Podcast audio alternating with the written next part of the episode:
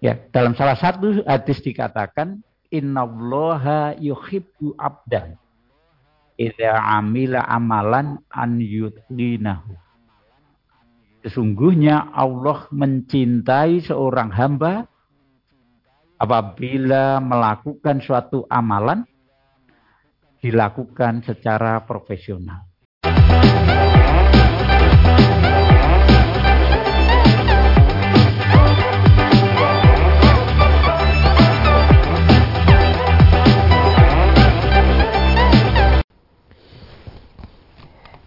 Bismillahirrahmanirrahim. Assalamualaikum warahmatullahi wabarakatuh. Saudaraku pemirsa MTA TV di mana pun Anda berada Puji syukur Alhamdulillah senantiasa kita panjatkan kehadirat Allah subhanahu wa ta'ala Atas limpahan karunia nikmat dan juga rahmatnya. Sehingga pada kesempatan kali ini kita bisa berjumpa kembali dalam program Fajar Hidayah Baik pemirsa, mari kita manfaatkan waktu di pagi hari ini untuk senantiasa belajar. Dan Alhamdulillah hari ini kita akan dibimbing oleh beliau Ustadz Dr. Andes Emut Khairi MSI. Dan Alhamdulillah hari ini kita sudah terhubung dengan beliau melalui aplikasi meeting online. Langsung saja kita sapa. Assalamualaikum warahmatullahi wabarakatuh. Waalaikumsalam warahmatullahi wabarakatuh Mas Fahid. Ya, kabar baik dan sehat dari ini Ustaz. Alhamdulillah. Ya, kami bersama beberapa teman di Majelis MTA Perwakilan DIY dalam keadaan baik insya Allah. Alhamdulillah. Semoga Ustadz dan teman-teman yang ada di sana senantiasa diberikan kesehatan. Dan juga untuk para pemirsa, semoga juga dalam keadaan sehat, dalam keadaan baik, sehingga dalam menjalankan aktivitasnya, ibadahnya nanti bisa maksimal. Silahkan untuk para pemirsa yang akan bertanya bisa menghubungi kami di line telepon 0271 6793000 atau di line SMS dan WA di 08 11 255 3000. Baik, baik Ustadz, hari ini kita akan belajar mengenai buah taklim dalam membentuk sikap kepekaan terhadap amal soleh dan dosa itu ya Ustadz ya? Iya, iya, insya Allah. Baik, silahkan Ustadz untuk penjelasan lebih lanjutnya terkait dengan tema pada pagi hari ini. Iya. Baik. Assalamualaikum warahmatullahi wabarakatuh. Waalaikumsalam warahmatullahi wabarakatuh. Innal hamdalillah nahmadu wa nasta'inuhu wa nastaghfiruh wa na'udzu billahi min anfusina wa min sayyiati a'malina. Mahyatillahu fala mudhillalah wa mayyudlil fala hadiyalah asyhadu an la ilaha illallah wa asyhadu anna muhammadan abduhu wa rasuluh amma ba'd. Qala Allah Ta'ala fil Qur'anul Karim Ya ayyuhalladzina amanu taqullaha haqqa tuqatih wa la tamutunna illa wa antum muslimun. Ya ayyuhalladzina amanu taqullaha wal tangdur nafsum ma qaddamat lighat wa taqullah innallaha khabirum bima ta'malun. Fatazawwadu fa inna khairaz zadi taqwa. Bapak, Ibu, dan sekalian, pemirsa TV MTA, ya, penyimak program Pajar Hidayah yang insya Allah dimuliakan Allah. Alhamdulillah atas izin dan nikmat Allah, kita masih diberi suatu nikmat yang luar biasa besarnya, yaitu nikmat kesempatan, ya, nikmat kemampuan, nikmat kemauan sehingga kita bisa hadir pada forum yang mulia ini ya dalam rangka kita sharing nanti sharing pengalaman sharing ilmu sehingga kita bisa saling memberi manfaat maka mari kita syukuri nikmat ini ya dengan selalu dan senantiasa memperbarui, memperbaiki, meluruskan dan mengikhlaskan niat kita. Kita hadir pada forum ini betul-betul hanya karena Allah. Maka kalau kita hadir karena Allah, ikhlas karena Allah, maka apa pun nanti yang kita hadapi, insya Allah kita akan senantiasa tetap semangat, ya, tetap sobar, dan tetap optimis. Bapak Ibu dan buat sekalian yang insya Allah dimuliakan Allah, penyimak program Fajar Hidayah yang insya Allah dimuliakan Allah. Pada pagi hari ini kita akan belajar bersama ya terkait dengan tema yaitu bagaimana kita bisa memproduk ya suatu sikap kepekaan baik itu kepekaan terhadap amal soleh maupun kepekaan terhadap dosa. Ya maka mari kita mulai. Ini sudah terlihat di sana? Belum ya? Oke coba kalau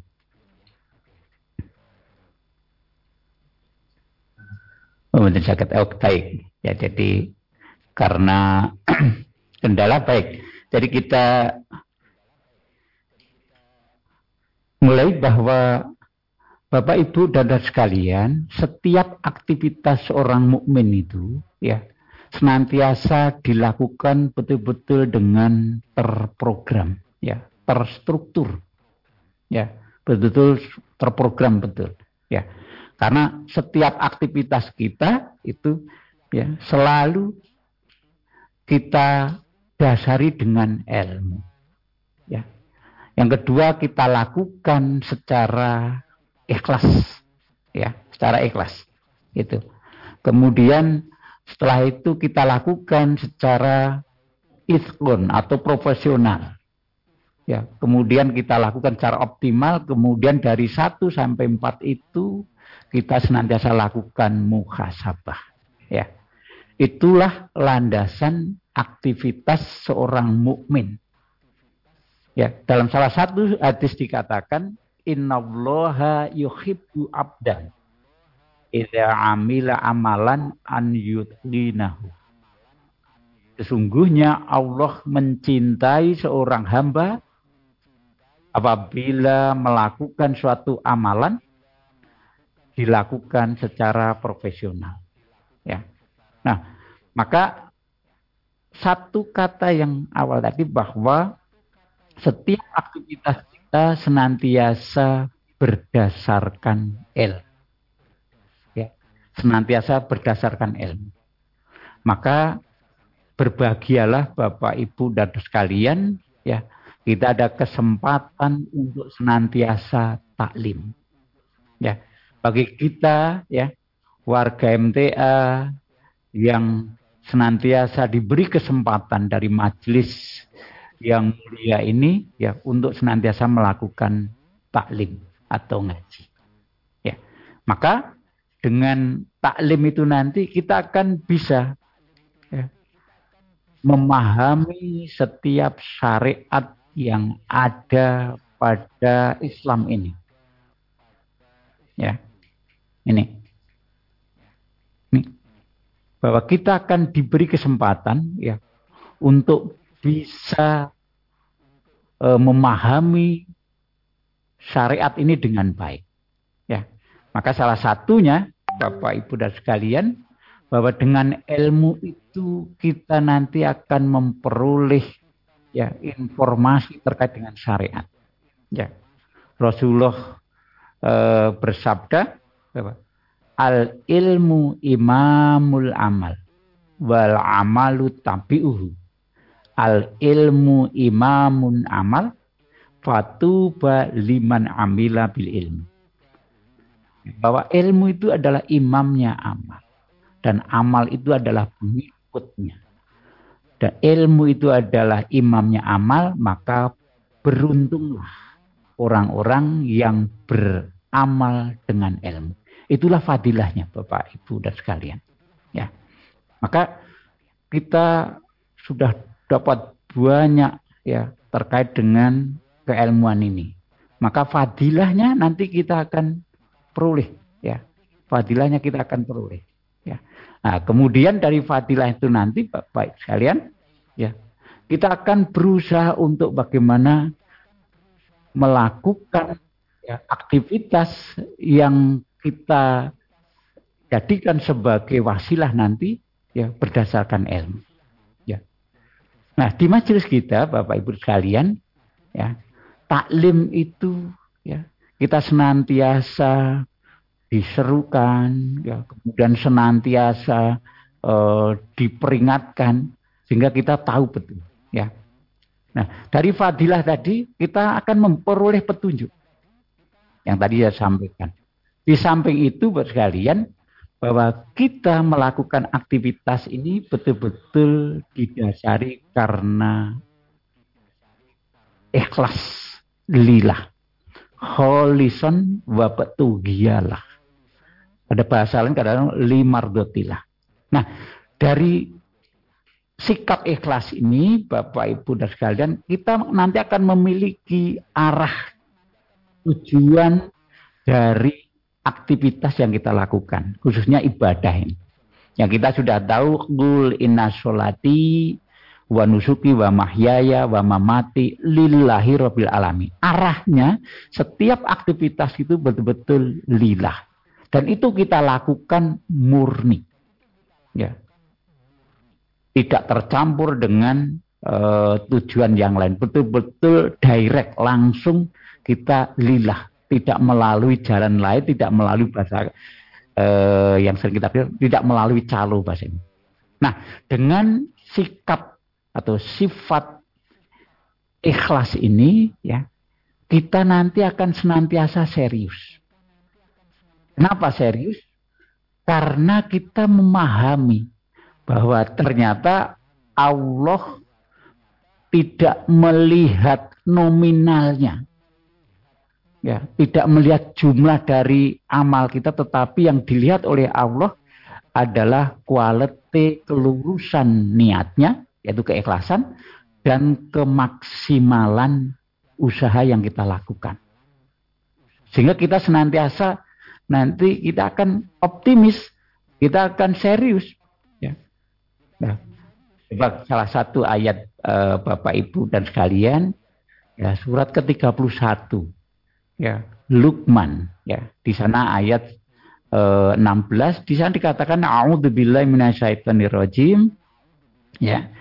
Ya bunaya innaha ya. intakku ya. misqola habbatin min khordalin ya. fatakung fi sodra fi sohratin au fi samawati au fil ya'ti biaullah innallaha latifun khabir ya ya hai anakku ya Sesungguhnya apabila seseorang melakukan suatu amal sebesar ya biji sawi, artinya sangat-sangat kecil. Ya.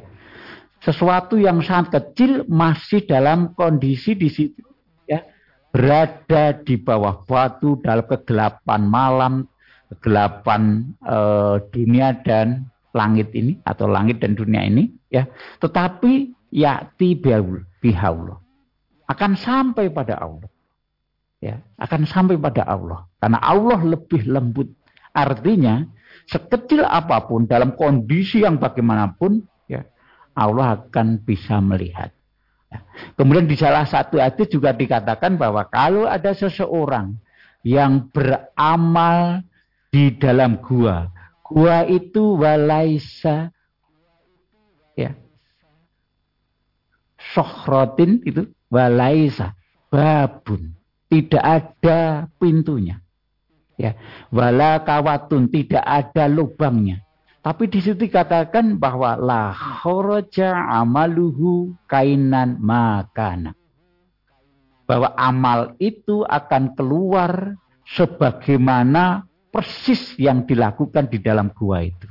Maka ini Bapak Ibu dan sekalian yang menjadikan kita selalu optimis di mana pun kita berada, kapan pun dalam bentuk yang seperti apa pun, kita senantiasa optimis karena wa ma taf'alu min khairin fa bi alim. Wa ma taf'alu min khairin ya'lamullah.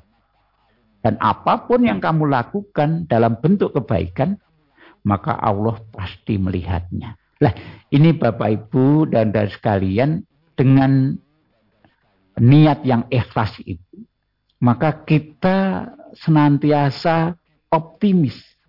Kita senantiasa senang karena senantiasa sober, ya kita senantiasa serius karena yang kita eh, persembahkan kepada Allah itu Allah maha dari segala maha, maha mengetahui ya dan senantiasa menilai terhadap apa yang kita lakukan. Nah, itu salah satu buah dari ilmu yang kita pahami di majelis ini. Di samping itu nanti kita melakukan secara itkon. Itkon itu adalah profesional.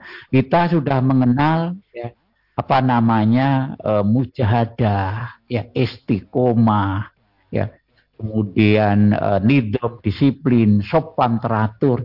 Prinsipnya adalah bahwa kita nanti akan melakukannya secara optimal. Sampai itu juga Mas Tato. Kemudian Bapak, Ibu, dan dan sekalian, di majelis kita sampai ditekankan dalam eh, pengajian ada namanya strategi pembelajaran yang diambil di majelis kita. Pembelajarannya seperti apa? Bahwa pembelajaran di eh, kita ini dilakukan secara kontinu, ya, secara gradual, ya, artinya terurut, terukur. Dan ketika kita ngaji, ya, maka semua potensi yang kita miliki kita manfaatkan. Ya, potensi telinga. Ya, kita disuruh untuk fastami ulahu wa anfit. Ketika kita ngaji, betul-betul kita disuruh untuk mendengarkan dan diam. Ya. Artinya kita mendengarkan dan fokus. Sehingga bahasa nanti telinga kita itu sampai mengatakan sami'na kami telah mendengar. Ya. Kemudian apa yang kita dengar, apa yang kita uh, dengar itu betul-betul kita usahakan untuk kita resapi sampai tahapan prosesnya tadabur. Ya. Tadabur. Artinya betul-betul kita melakukan pembaca dengan baik, kemudian kita fokus di situ, kita analisis ayat demi ayat, sehingga insya Allah nanti kita akan memperoleh ya Kitabun anzalnahu ilaika mubarakul liyadabbaru ayatihi baliyadakaru'ul album. Ada berkahnya nanti. Dari apa yang kita baca, apa yang kita analisis, apa yang kita telaah. Ya. Kemudian apa yang kita dengar, kita telah tadi, kita kirim ke otak. Kita fahami dengan ilmu yang kita miliki. Ya. Kemudian sampai otak kita itu mengatakan fahimna kami telah memahami. Nah, kemudian kalau otak sudah memahami, ya, tidak hanya berhenti di situ. Faham itu ada suatu tahapan yang sudah sangat bagus, tetapi belum menjamin bahwa kefahaman itu memproduk amal. Maka apa yang kita pahami dalam otak kita, kemudian kita kirim ke hati. Ya. Kita sudah mempelajari juga ya dalam salah satu hadis dikatakan bahwa inna kauman sesungguhnya ada suatu kaum yaqraul qur'anu la yujawizu ahlakuhum. Ya. Ada suatu kaum yang mereka itu membaca Quran tetapi tidak sampai melewati tenggorokan. Hanya sebagai makanan otak saja. Ya, mereka memahami luar biasa, tetapi tidak memunculkan nanti azam untuk merealisasikan apa yang dibaca itu. Maka kalau kita kita kirim ke hati, kemudian sampai hati mengatakan sodakna, kami telah membenarkan. Maka insya Allah kalau hati sudah membenarkan, kemudian hati itu sebagai manajer diri kita, maka insya Allah hati akan memerintahkan dan seluruh organ tubuh kita taat untuk memunculkan azam nansanya niat yang kuat untuk apa? Untuk merealisasikan ilmu yang kita pelajari tadi. Maka insya Allah Bapak Ibu dan sekalian kajian kita nanti uh, senantiasa memproduk satu kefahaman ya terhadap syariat itu sehingga apa yang kita pelajari, yang kita fahami betul-betul sesuai ya dengan yang dikendaki Allah dan Rasulnya itu. Nah, kemudian di samping itu nanti ya kita akan yakin bahwa ini betul-betul perintah Allah. Ya, ini betul-betul perintah Rasulullah. Sehingga betul-betul nanti apa yang kita pahami tadi built in pada hati kita. Ya, maka akan muncul namanya azam muncul namanya azam. Ada namanya nanti ada hadis nafsi, pengkabaran terhadap diri kita, ya. Kemudian setelah itu kita analisis di otak, kemudian akan muncul namanya cita-cita. Akan muncul namanya niat. Sampai niat itu jadi bahasanya adalah menyatu, ya. Niat yang kuat muncullah azam. Azam untuk apa? Untuk merealisasikan apa yang kita pelajari. Maka ayat mengatakan alladzina yastami'unal qawla fayattabi'una ahsanahu. Yaitu orang-orang yang mendengarkan suatu informasi, mendengarkan suatu petuah, ya. Ya. Kemudian eh, dia memilah dan memilih yang bisa diamalkan kemudian diamalkan. Sehingga setiap ilmu yang diterima senantiasa memproduk amal soleh tambah ilmu jadi tambah amal tambah pahala ya maka Bapak Ibu sekalian ya mari kita betul-betul seriusi ketika kita taklim ini ya sehingga kita betul-betul bisa memahami meyakini kemudian memunculkan azam dan merealisasikan. Nah kemudian bentuknya apa? Lah ini. Target taklim saya tambah sedikit ya. Bahwa target taklim itu adalah bagaimana kita bisa merealisasikan. Ya. Sikap ketakwaan kita ya. Sehingga sikap ketakwaan kita atau takwa kita senantiasa meningkat. Ya. Karena perintahnya ya dalam keadaan dalam segala kondisi ya kita disuruh fattaqullaha ya. Bertakwalah atau ittaqullaha haqqon tuqatihi. Bertakwalah kepada Allah dengan sebenar-benar takwa. Ittaqillaha haitsu makunta. Bertakwalah kepada Allah di mana pun kamu berada. Nah, maka targetnya bagaimana kita bisa meningkatkan kualitas ketakwaan. Nah, sementara ya makna dari takwa itu ya secara ringkas bahwa takwa itu memuat tiga unsur minimal gitu. Yang pertama adalah at-to'at yaitu sikap to'at to'at kepada Allah, to'at kepada Rasul, artinya betul-betul to'at siap mendengar dan to'at terhadap semua syariat Allah dan Rasulnya. Ya. Yang kedua bahwa takwa itu bermakna al-khosyah.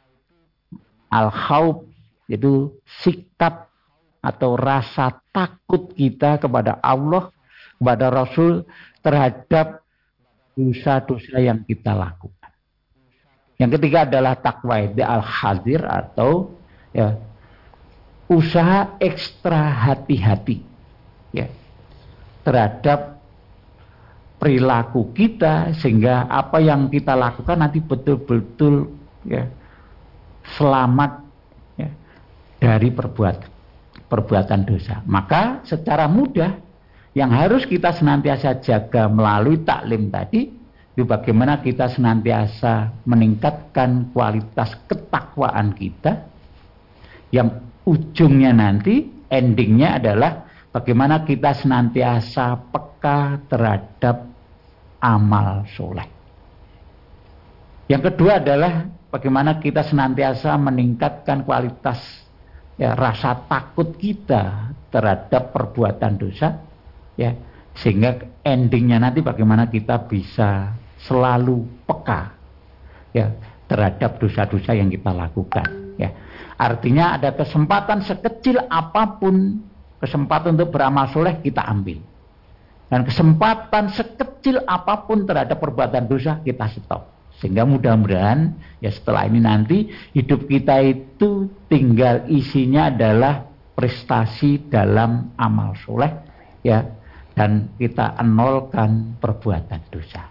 Nah, saya pikir itu Mas Fakit yeah. sebagai intro ya, sebagai introduction ya, sebagai yeah. pengantar dan mudah-mudahan bisa dijadikan sebagai sarana untuk diskusi. Iya, yeah, baik. Terima kasih Ustaz untuk mukadimahnya di kesempatan kali ini.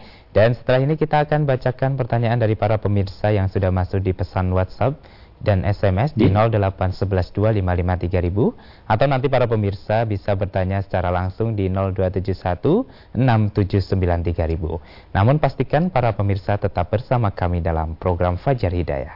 Download aplikasi kumpulan brosur MTA lengkap di Play Store.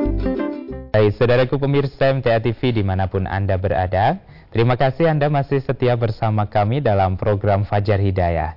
Dan di kesempatan kali ini kita masih bersama dengan beliau Ustadz Dr. Andes Imut Khairi MSI yang membimbing kita untuk mempelajari ilmu agama lebih dalam.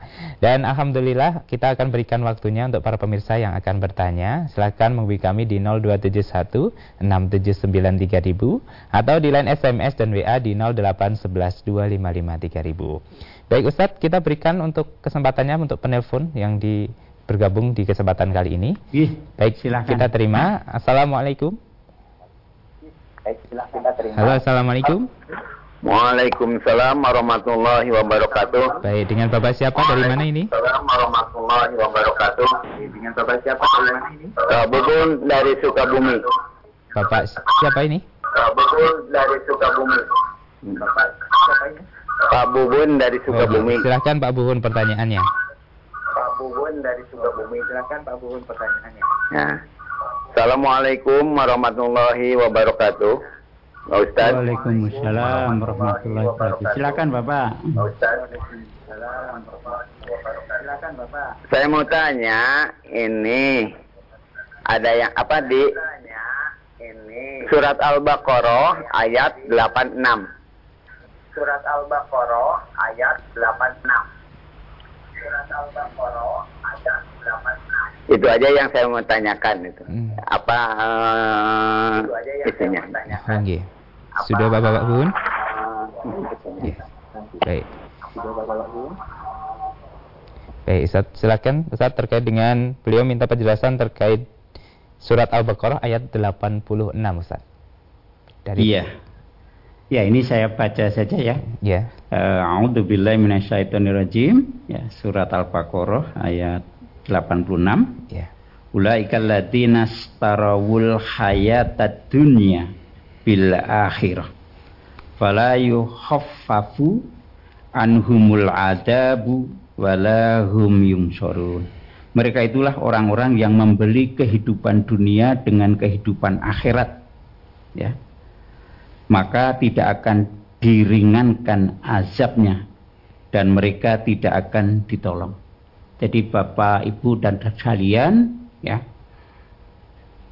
banyak barangkali orang-orang ya khususnya di sini adalah orang-orang kafir ya mereka berani membeli kehidupan dunia itu dengan kehidupan akhiratnya ya sementara Ayatnya senantiasa mengatakan bahwa wabtaghi fima atakallahu darul akhirah.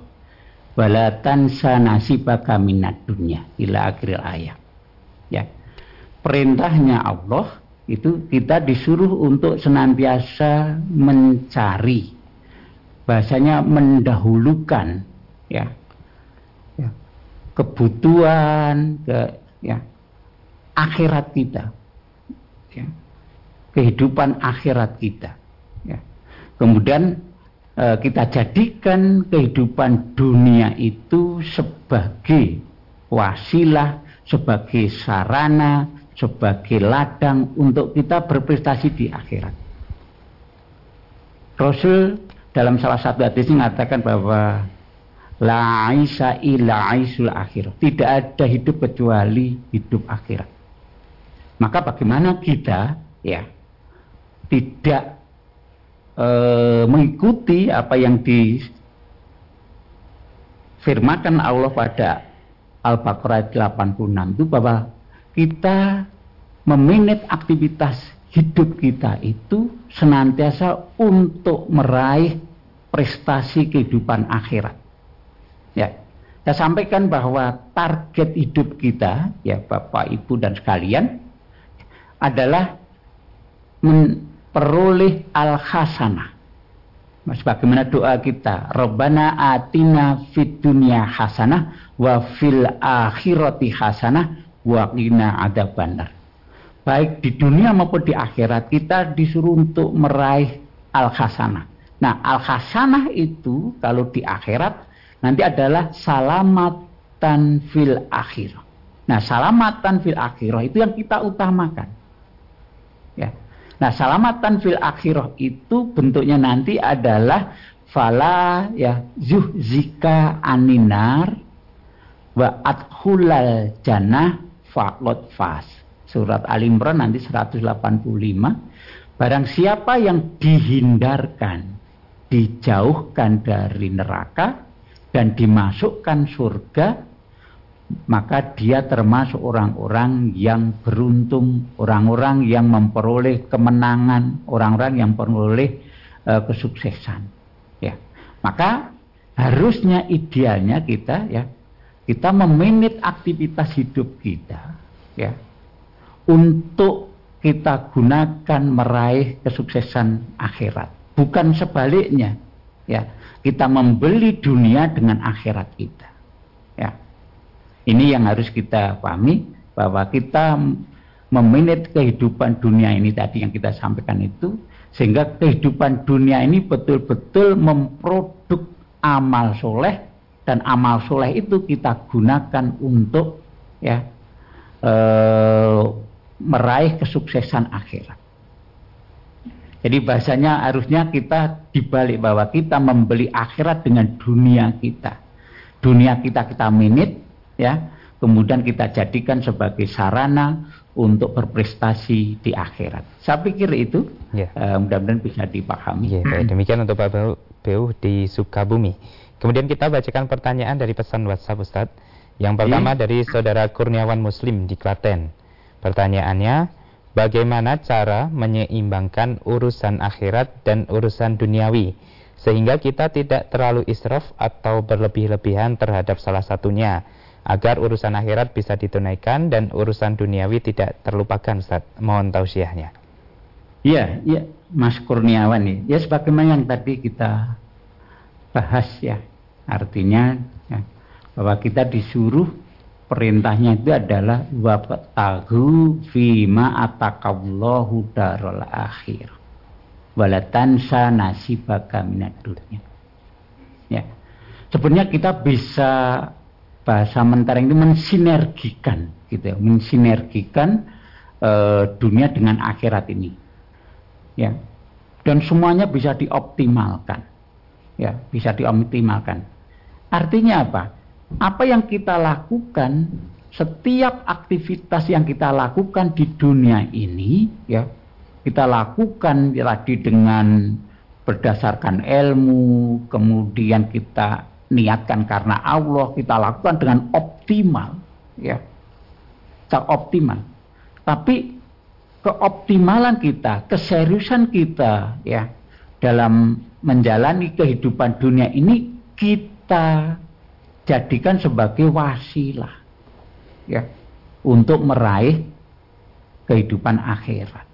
Jadi otomatis kita baik dunia maupun akhirat kita semuanya serius. Ya. Kita semuanya serius. Tadi sudah saya sampaikan dalam salah satu hadis innallaha yuhibbu abdan idza amila amalan an yutqinahu. Sungguhnya Allah mencintai seorang hamba apabila melakukan suatu amalan, suatu aktivitas dilakukan dengan profesional. Sehingga di sini tidak ada kemudian kita e, melakukan aktivitas dunia itu dengan malas dengan enggak ada. Semuanya kita optimalkan.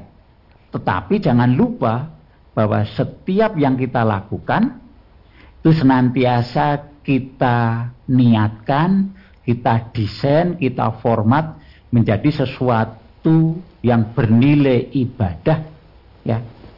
Nah, syukur bagi bisa bernilai dakwah. Maka dengan begitu insya Allah ya apa yang kita lakukan di dunia dengan optimal itu nanti akan bernilai di akhirat. Nah ini yang harusnya kita eh, realisasikan sebagaimana kemarin dulu sudah saya sampaikan ada satu prinsip ya yang menurut saya baik ya. Sana dikatakan kulu anfasin minal hayati alal haq wahu wahiyal ibadah wahuwa dakwah. Ya, kita punya prinsip bahwa setiap detik-detik, setiap nafas yang ada pada kita, ya dari umur kita, dari hidup kita harus senantiasa dalam kebenaran. Ya, yang kedua harus senantiasa bernilai ibadah. Yang ketiga harus bernilai dakwah. Nah kalau ini kita optimalkan maka ini semuanya hidup kita jadi bernilai ibadah bernilai akhirat ya. Maka sekali lagi ya tidak usah didikotomi bahasanya dipecah-pecah ini. Maka jadikan dunia sebagai masro'atul akhirat. Jadikan dunia sebagai ladang sebagai wasilah sehingga kita serius betul e, mengurus dunia ini tapi semuanya bermurah bermuara menjadi amal soleh menjadi investasi tabungan kita di akhirat saya pikir gitu Mas yeah. Kurniawan mudah-mudahan bisa dipahami yeah. ya sehingga kita senantiasa optimis dan serius dalam hidup ini. Ya, baik. Demikian Oke, untuk Saudara gitu. Kurniawan ya, Ustaz ya. Selanjutnya dari Bapak Supriyono di Batang, Ustaz. Mohon tausiah ya. Pak Supriyono. Di kampung kami membangun masjid. Dari panitia mengumpulkan ketua-ketua RT. Panitia menyampaikan jumlah anggaran, dari anggaran tersebut digotong bersama warga sekampung setiap kakak terbebani 2.400. Pertanyaan, apabila dari beban dana tersebut warga tidak membayar, apakah termasuk hutang seperti hutang kepada seseorang, Ustaz? Ji, jadi eh, sebenarnya kata adil ya dibagi dengan adil. Adil itu tidak harus sama gitu ya. Dalam konsep Islam itu yang di tentukan itu prestasi amal itu ditentukan dua hal tadi. Satu ada quality niatnya, kelurusan niatnya. Yang kedua adalah quality optimizingnya, kemaksimalan. Sehingga tidak bisa kemudian diukur nih. Ada satu hadis ini saya sampaikan ya, mungkin Bapak Ibu dadar kalian sudah hafal barangkali. Rasul pernah ngendika sabakgo dirhamun mi'ata alfin. Rasul ngendika bahwa boleh jadi satu dirham di hadapan Allah lebih besar atau bisa mengalahkan seratus ribu dirham. Nah sahabat saat itu kaget itu. Mau satu dirham dengan seratus ribu dirham kok lebih besar yang satu dirham di sisi Allah. Wa kaifa ya Rasulullah? Kok bisa begitu ya Rasulullah? Ya.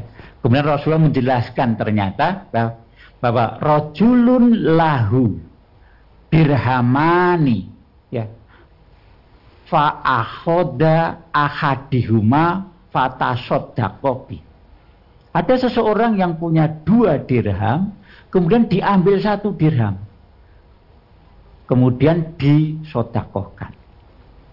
Kemudian yang satu sisi yang lain bahwa rojulun lahu malun kasirun seseorang yang diberi harta banyak. Kemudian dia mengambil fa'akhoda mi'ata alfin ya.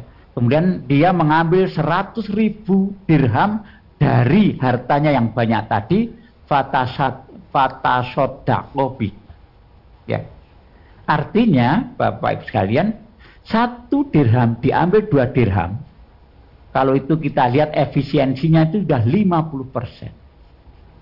Kemudian dibandingkan dengan 100 ribu dirham tapi diambil dari banyak dirham. Maka ini yang harus kita pahami dalam nanti membagi. Maka dalam konsep Islam itu adalah kemaksimalan. Itu yang pertama pembagiannya ya, kemaksimalan gitu. Nah, kemudian kalau itu tadi e, dibagi sebenarnya itu masalah dunia saja ya. Artinya tentunya yang pertama e, warga RT itu harus muslim, muslimat. Kita nggak boleh kemudian membebani non muslim itu. Kemudian pembagian kita tadi kesepakatan saja. Tetapi perlu diketahui bahwa dalam konsep Islam itu adalah kemaksimalan, bukan kesamaan. Kemudian ketika seseorang memang sudah maksimal kemudian tidak mampu, ya terbebas dari uh, kewajiban ini. Tidak sampai hutang gitu. Ya, tidak sampai hutang itu bentuknya. Artinya bahwa ketika uh, dari pihak panitia masjid kemudian memberikan kesempatan pada kita, bahasanya gitu. Kesempatan untuk beramal soleh, maka kita sikap kita mestinya yang pertama adalah welcome. Sarkus lapang dada. Kita katakan ketika kita memperoleh kesempatan itu hadza min fadli robbi. Ini adalah kesempatan yang mulia yang Allah berikan pada kita. Untuk apa? Liyab luwani an askur an akfur. Silakan nanti dibaca di surat ke-27 An-Naml ayat 40. Ya untuk menguji aku konteksnya di sini ada harta kita apakah ya kami dengan kesempatan ini ya termasuk orang-orang yang mensyukuri harta kita artinya ya ada kesempatan untuk kita bertransaksi dengan Allah melalui harta kita sementara Allah memberi barter dari harta kita itu tadi Innallaha minal mu'minina anfusahum wa ambalahum bi lahumul jannah dengan surga. Maka kita mestinya kan senang. Ya. Ya kita, mestinya kita senang. Atau kita pakai ayat Al-Azab ayat 22. Ya, di sana katakan walamma ra'al mu'minunal azaba qalu ma wa'adanallahu wa rasuluhu wa sadaqallahu wa rasuluhu wa mazadahum ila imanan wa tasliman. Ya, ketika kita diberi kesempatan itu, ya, semakin berat semakin besar pahalanya, maka kita welcome. Kita katakan, "Hada, ini adalah janji Allah berikan pada kami melalui pengurus tadi pengurus uh, tim panitia pembangunan. Dan apa yang dijanjikan Allah dan pasti benar. Ya. Sehingga orang yang memahami ini setiap ada kesempatan kemudian dia akan berusaha maksimal karena ini kesempatan yang mulia. Nah, dia berusaha maksimal dengan usaha mengoptimalkan usaha pada akhirnya bisa atau tidak. Kalau terpaksa sudah berusaha maksimal tidak bisa seperti tadi, maka Allah akan menilai usahanya tadi. Ya. Sehingga ya bisa atau tidak bisa di hadapan Allah sudah ada nilainya. Jadi ini ini yang perlu kita pahami. Jadi ya. sehingga kalau kita ada kesempatan itu kita senang, hmm. tidak malah marah begitu karena kita diberi kesempatan. Nah, kalau orang yang betul kita akan berusaha maksimal. Dan Allah menilai usahanya itu. Apakah nanti muncul nominalnya itu di hadapan Allah akan dibalasi secara adil. Jadi prinsipnya kalau ditanyakan apakah itu seperti hutang, tidak. Ya. Tapi, tapi kalau kita tidak bisa ngambil, Allah hanya menilai usaha kita, tidak menilai usaha dan produk nominalnya. Yeah. Kalau kita nggak Mas yeah. Baik. Demikian untuk saudara Bapak Supriyono di Batang Ustaz. Dan tidak terasa kita sudah berada di akhir perjumpaan ini Ustaz. Terima kasih untuk tausiah dan nasihatnya. Semoga Ustaz senantiasa dalam keadaan sehat. Assalamualaikum amin, warahmatullahi amin. wabarakatuh. Waalaikumsalam warahmatullahi wabarakatuh. Baik, saudaraku pemirsa MTA TV di mana pun Anda berada, demikian tadi Fajar Hidayah untuk edisi kali ini. Tetap laksanakan protokol kesehatan sebagai bentuk ikhtiar kita di masa pandemi COVID-19. Akhirnya, saya Wahid Arifuddin pamit undur diri. Alhamdulillahirrahmanirrahim. alamin. Subhanakallahumma wa bihamdika alla ilaha illa anta astaghfiruka wa atubu ilaik. Wassalamualaikum warahmatullahi wabarakatuh.